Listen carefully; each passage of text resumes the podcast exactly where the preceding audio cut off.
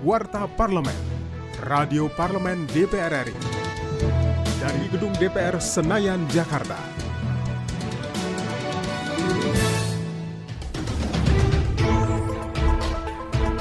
Dalam rapat konsultasi Badan Akuntabilitas Keuangan Negara atau BAKN dan BPK di Komplek Parlemen Senayan Jakarta, BAKN menyoroti anggaran subsidi energi yang cukup besar, di mana harus disertai kebijakan yang tepat dan pengawasan yang efektif. Anggota BAKN DPR RI Ahmad Najib berharap ke depan tata kelola subsidi energi benar-benar efektif, di mana penerimanya tepat sasaran dan anggarannya bisa dioptimalkan secara benar. Ini bagian dari kebaikan tata kelola keuangan supaya ke depannya bisa lebih baik lagi.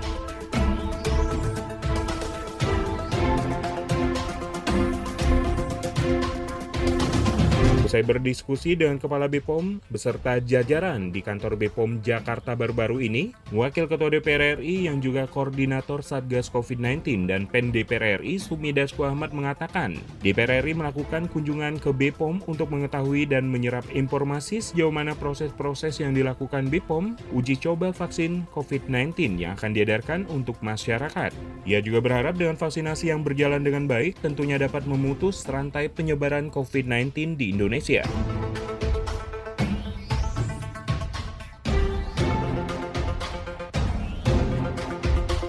DPR RI mendorong pemerintah dan KPU meningkatkan penggunaan teknologi dan informasi dalam setiap proses pemilihan umum dan kepala daerah. Hal tersebut sampaikan oleh anggota Komisi 2 DPR RI, Sodik Mujahid, saat di Kota Bandung, Jawa Barat. Ia menyayangkan kampanye online di Provinsi Jawa Barat masih di bawah 30 persen. Hal ini dikarenakan tidak semua desa memiliki akses internet yang baik.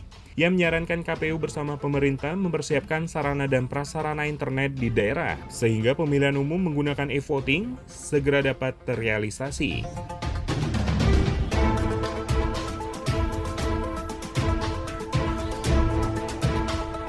Demikian Warta Parlemen, Produksi TV dan Radio Parlemen, Biro Pemberitaan Parlemen, Sekretariat Jenderal DPR RI. Saya Edu Da Vinci.